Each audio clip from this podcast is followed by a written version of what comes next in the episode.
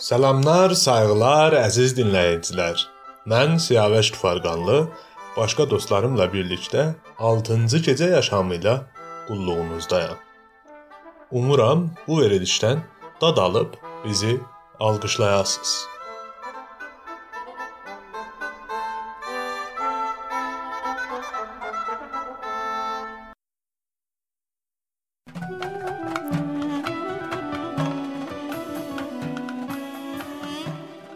İkinci yarının darıxmaları. Ruzbeh Saadəti. Üst-üstə bizlər çox şeylərə həsrət qaldıq. Doğan günümüzdən para bizdən qaçaq düşdü. O atlı idi, biz isə piyada. Şərab da yasaq idi. Gizli içərdik onu, darıxardıq və günü-gündən artardı dərdimizi. Hərdən də ağlardıq. Sonralar şərabın da dadı getdi, darıxmalarımızın dadı kimi. Öz dilimizdə darıxmadıq axı, öz dilimizdə yaşamadıq axı. Biz qaldıq və yalnızlığımız qaldı. Sevgi də hələ çox sonralar gələcəkdi, yaşamın ikinci yarısında. Ondan öncə şeir gəldi.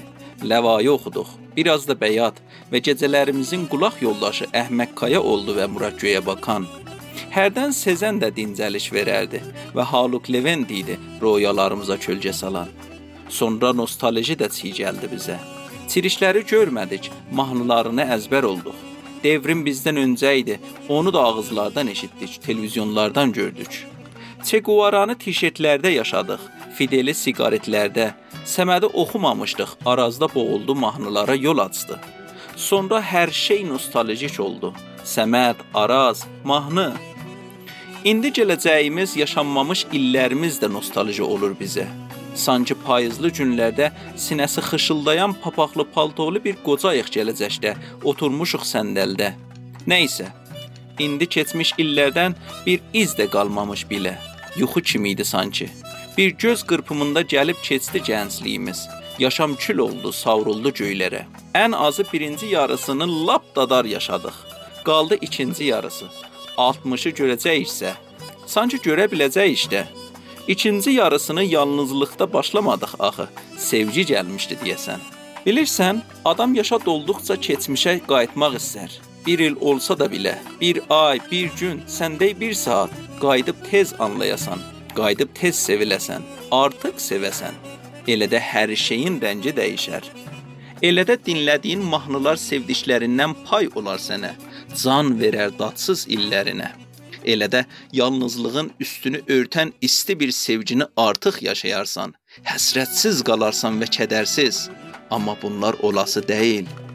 Sevə bilmək qədər olanaqsızdır bunlar. Demək, qayıtmadan yaşamalısan. İstər keçmişi düşünərək, istərsə gələcəkdən qorxaraq. Qayıtmaq olmursa, ən azı başqa cür yaşamaq, başqa cür sevmək olur.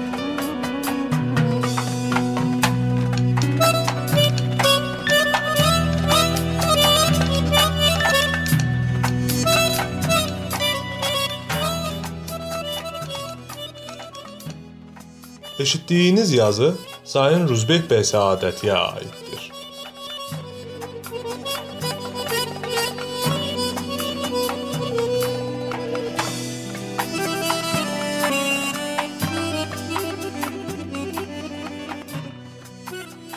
Sayın yoldaşlar, bizi ilə ilgi qurub nəzərlərinizi bildirin, intiqad edin. Bəyənirsinizsə alqışlayın, bəyənmirsinizsə bəyənmədiyiniz nöqtələri bizə bildirin.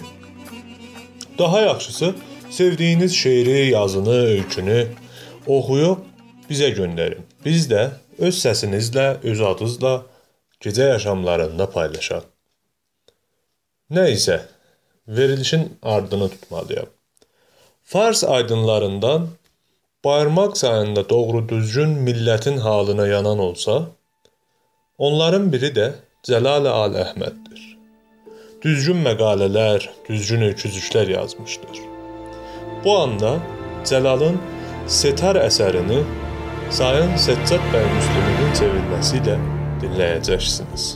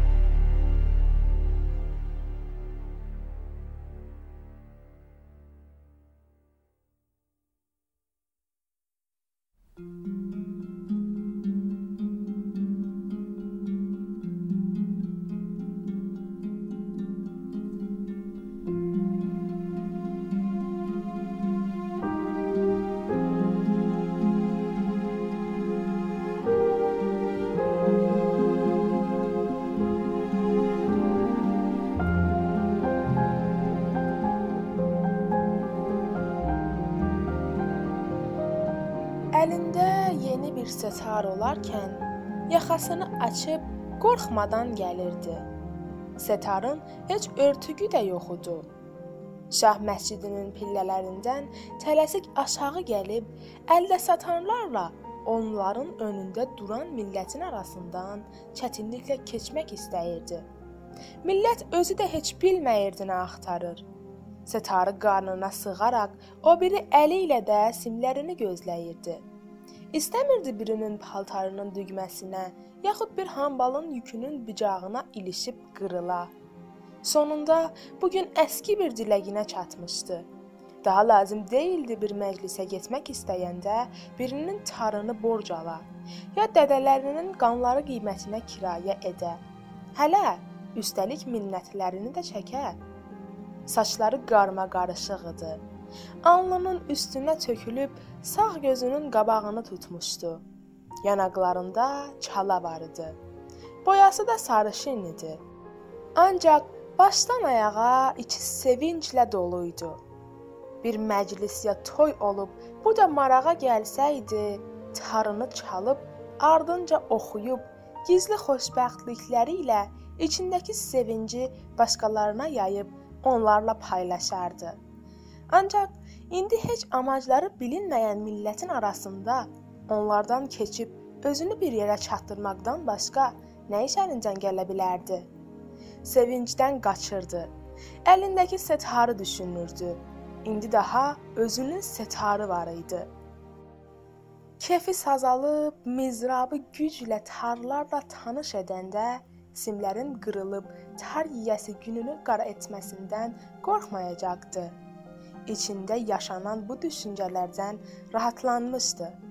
Bundan bəri hünərini göz önünə qoyub, tardan haqqını alıb şur yaratmasından asılı, özü də dözməyib ağlamasını düşünürdü. İnanırdı, təkcə özü sazının sözünə dözməyib ağlayan zaman düzgün çalmış ola bilərdi. İndiyədək özü istədiyi kimi çala bilməmişdi. Elə hər nə çalmışdı, millətə görə idi. Onun tarı ilə kədərli səsinin ardında sevinc axtaran millətə görə. Uzun zaman gecələri içib, çalıb, oynamaq məclislərində saz çalıb, yalan sevinc gətirən anları olsa da, öz səsindən ağlamağa düşməmişdi. Başarmamışdı elə çala özünü ağlada. Ya məclislər uyğun değildi, ya da millət ona pul verib qarşısında göz yaşlarını təhvil almaq istəməyirdilər. Ya da heç o özü simlərin qırılmasından qorxub mizrabı yavaşca tarların üstündə dolandırırdı. Ancaq inanırdı edə biləcəyindən.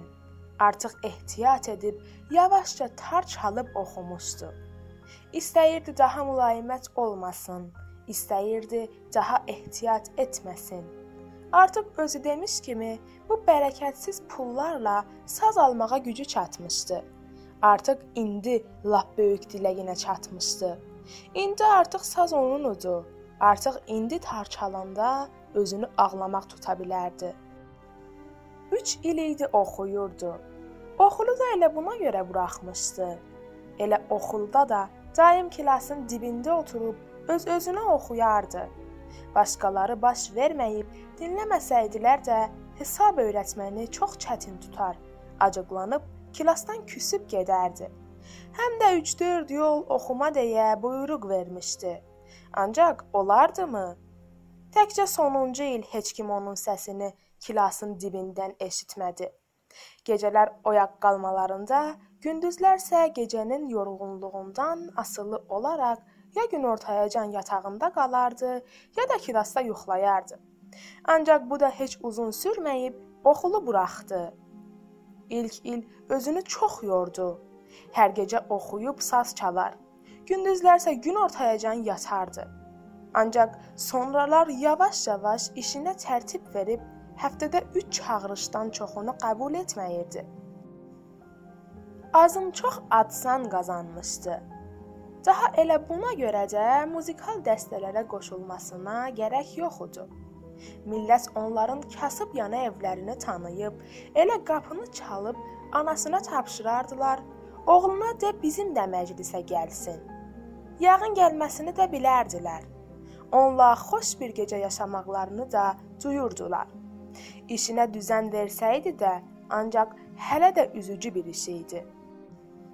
Anası onun günü-gündən çürüməsini duyurdu. Özü heç bu qonuya önəm verməyirdi. Təkcə bir sazı olmaq düşüncəsində idi. İstəyirdi öz sazı ilə özü sevdiyi kimi çalsın. Bu da heç rahat iş değildi. Təkcə bu son günlərdə bir toy törənində topladığı şabaşlarla bir pul ayırıb setar almağa zoru çatmışdı. Setarı alandan sonra daha bilməyirdi nə diləgi qalmışdı. Əlbət, adamın başqa arzuları da ola bilər. Hələ bu qonunu düşünə bilməmişdi. İndi isə təkcə özünü tezlikcə bir yerə çatdırıb setarı ilə qurtdalanmasını düşünürdü. Hətta o yalan kefi sazlıq gecələrində də saz əlinin altına getcək çalıb oxumağından asılı, hər şeydən ayrılıb heç nədən xəbəri olmazdı. Çaldıqca dincəlib heç sazı yerə qoymaq istəməzdi. Ancaq bu da heç olası değildi. Başqasının evi idi, məclisdə başqasının idi. O təkcə məclisi qızdırmalı idi.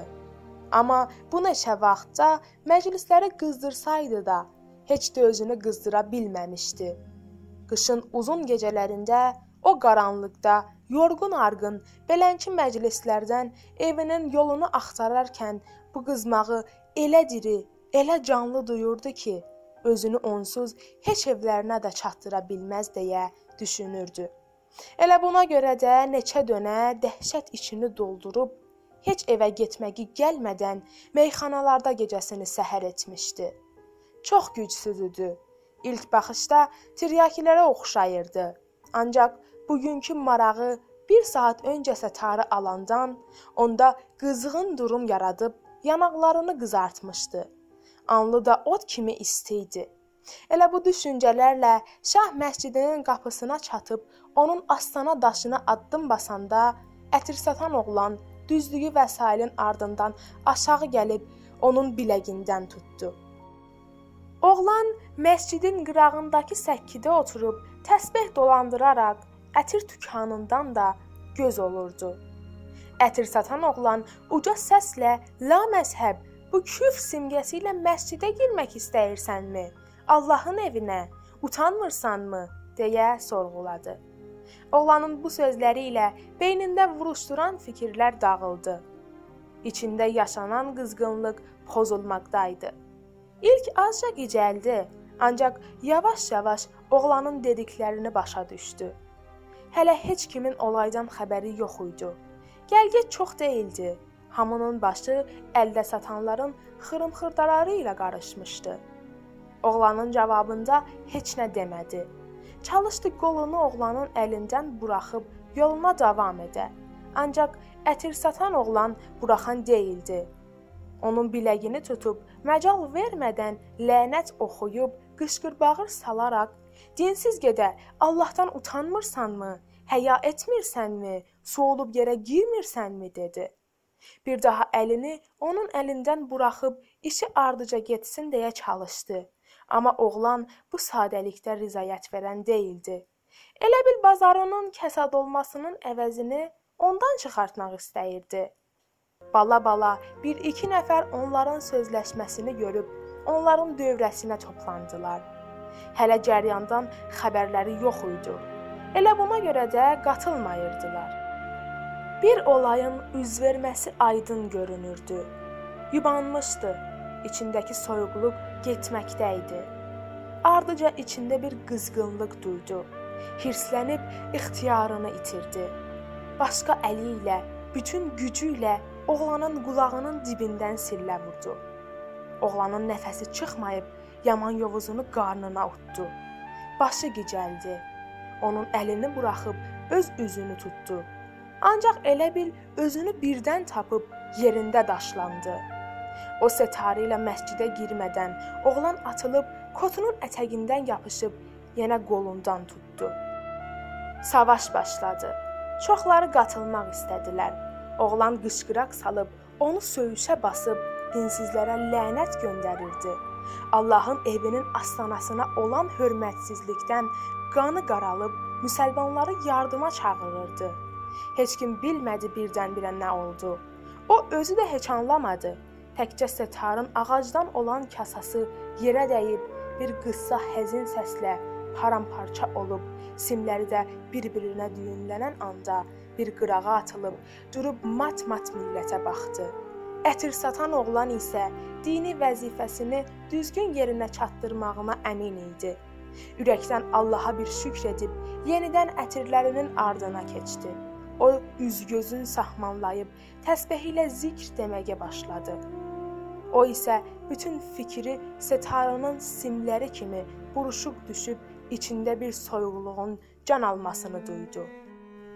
Sanki soyuqluq ürəgindən quzlayıb bala-bala beyninə dolurdu. Beyni isə donmaqdaydı. Elə buna görə də bir bicağa düşüb umudlarının sazı kimi təzə-təzə solmasını, ardıca da param-parça olmasını düşünüb, həmən parçaların ox kimi könlünü yaralamasını duydu. Setar, yazar Cəlal Ali Əhməd, çevirən Səccad Müslimi 97-nin payızı.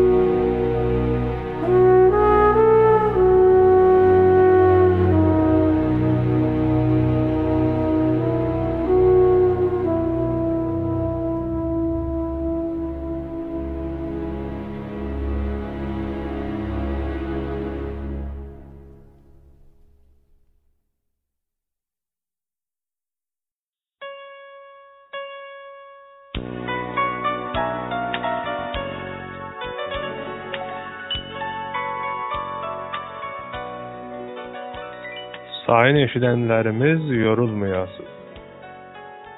İndi də Sayın Bəhram Əsədidən Yeni şeir nə deməkdir məqaləsini dinləyəcəksiniz.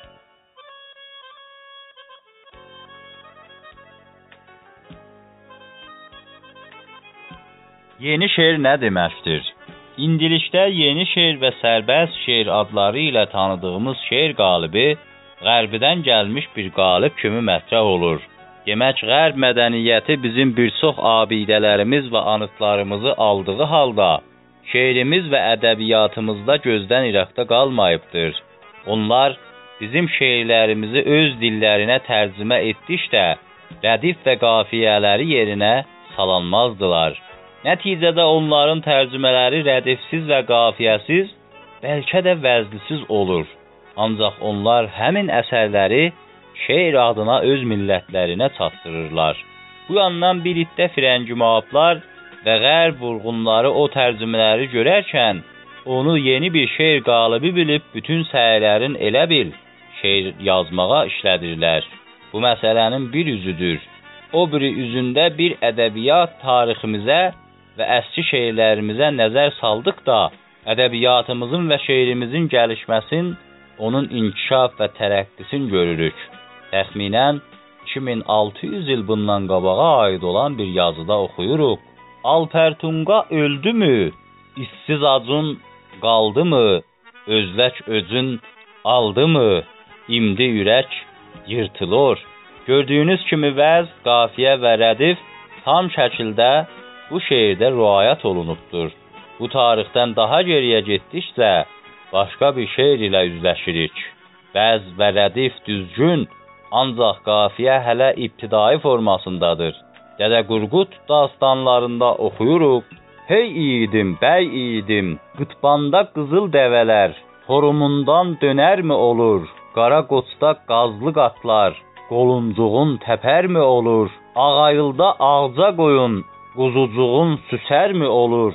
Alp itlər, bəy itlər, göklüsünə qıyarmı olur? İyidim, bəy iyidim. Biz bir növ şeirdən daha geriyə getdikcə, daha qafiyəni görməyirik. Gözə çarpan yalnız vəz və rədifdir. Bir növ şeirin qalıqların və töküntülərin günümüzə qədər çatan folklorumuzda da görmək mümkündür. Kəngülü, məngünü nağılında eşidirik. O kimdir tap-tap eləyir, xəmirimi torpaq eləyir, qonağımı peşman eləyir. Hələ Dədə Qurqud dastanlarında da bu növ şeir görsənir ancaq vəzn hələ ibtidai və ilkin formasındadır. Kəsə-kəsə yeməyə yəxni yaxşı, kəsər gündə sərçeşmə yüqrük yaxşı, daim gəldicində dursa dövlət yaxşı, qırımından dönməsə, qaçmasa ərlik yaxşı. Bu zamandan daha o yana gedirik. Rədif yoxdur, qafiyə isə çox az və gahdan bir görsənir. Və bu bugünkü yeni şeirin bir örnəci kimi çağırıban dad verəndə bul çavuşlu, yayxananda yağ tökülən bol nemətli, qalmış igid arxası, bezə miskin umudu, Türkistanın dirəyi, tolu qoşun yavrusu, Amud soyunun əslanı, Qara çoğunun qaplanı, dövlətli Xan Məmməd. Göründüyü kimi yeni şeir çox da yeni deyil və bizim tariximizdə əski bir yeri vardır və tarix boyu dəyişilmələr, 100 illər və min illər çalışıq və fəaliyyətlə bugünkü formasına gəlib düşübdür. Və deməli şeirimizin bir mərhələsində vəz, ayrı mərhələsində rədif, ayrı mərhələsində qafiyə və sonki zamanlarda müxtəlif şeir sənətləri ona artılıb və nəhayət dünya şöhrətli şeirlərimiz yaranıbdır. Əlbəttə mən bu məqalə ilə yeni şeiri toparlamıram. Ancaq mənzurum budur ki, birinci özümüzü özgələrdən soruşmayaq və bu şeir qalibin qərb dünyasının bir töhfəsi kimi bağrımıza basmayaq. Bu növ şeir bizim neçə min ildən qalan əsərlərimizdə görsənir. Onu özümüzünkü kimi qorumaq daha yerli olar. İkinci şeir aləmində irəli gedənməyənlər, vəz, rədif və qafiyədə zəifləri olanlar bu növ şeiri qabağa tutub onunla öz zəiflərini gizlətməsinlər. Bizim ədəbiyyat tariximizdə müxtəlif növlü şeirlər vardır. Belə olmasın ki, qərb aləmi bir daha onları dirsəldərək bir super şeir kimi özümüzə təhvil versin. Nümunə üçün həmin Dədə Qurqud boylarında qafiyələri misalların əvvəlində gələn şey nümunələrinə tuş gəlirik.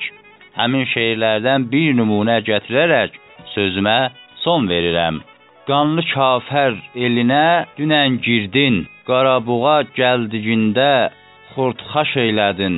Qağan əslan gəldiyində belim büşdün. Qara boğra gəldiyində nə gicidin? Qanlı kafər elinə dünən girdin, Qaraboğa gəldiyində xortxaş eylədin. Qağan əslan gəldiyində belin büşdün, qara buğra gəldiyində nə gecidin? Qara-qara dağlardan xəbər aşa, qanlı-qanlı sulardan xəbər keçə, qalın Oğuz elinə xəbər vara, qanlı qoca oğlu Qanturalı netmiş deyələr. Qaraboğa gəldiyində qıl çatmamış, qağan əslan gəldiyində belim bükmüş, qara boğra gəldiyində nə gicmiş deyələr.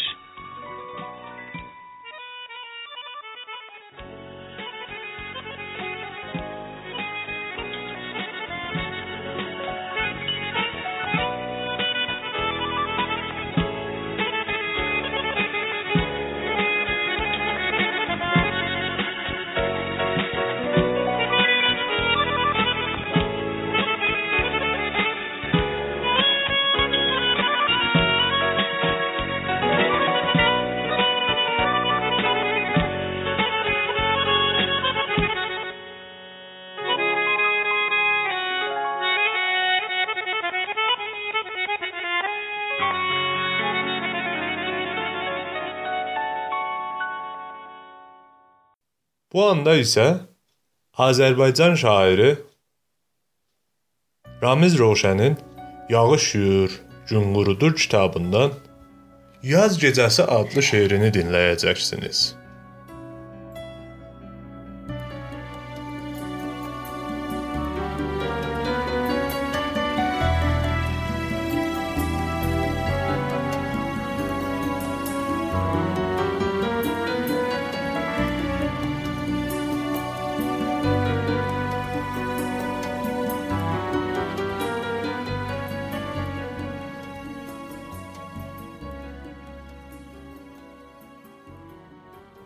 Ramiz Roşənin Yağış yur gün qurudur kitabından Yaz gecəsi şeiri təqdim olur. Çiçəklər doğulur bu yaz gecəsi. Bu yaz gecəsində sevməyə nə var? Dərsən güllərini bu gələn yazın sallanıb yellənsəm budaqlarından eşitsəm adımı sevən bir qızın hələ öpülməmiş dodaqlarından bu yaz gecəsində ölməyə nə var? Çiçəklər doğulur bu yaz gecəsi. Uzaq xəstəxana otaqlarında başını dibçəkdən uzadıb baxır yatan xəstələrin hər birisinə.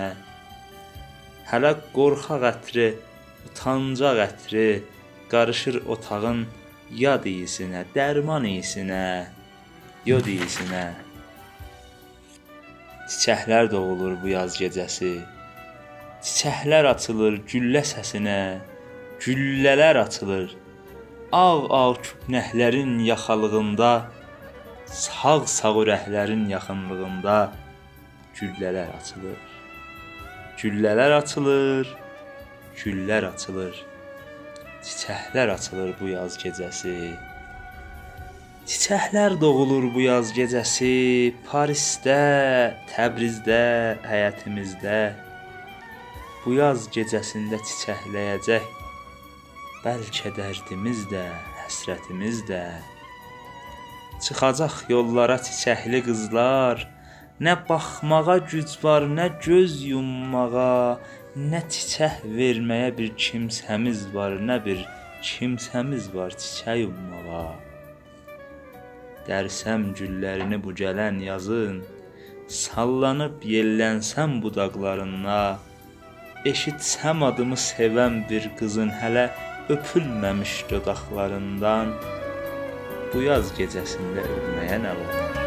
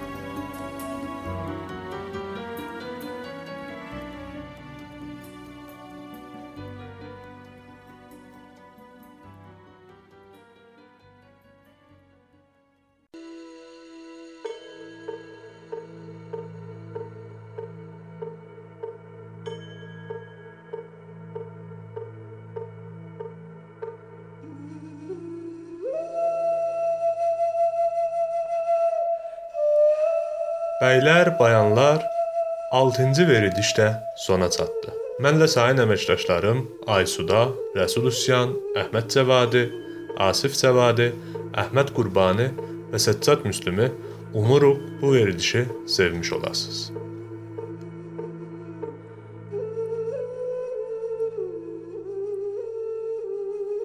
Bir sonrakı gecə yaşamınacan əsən qalın.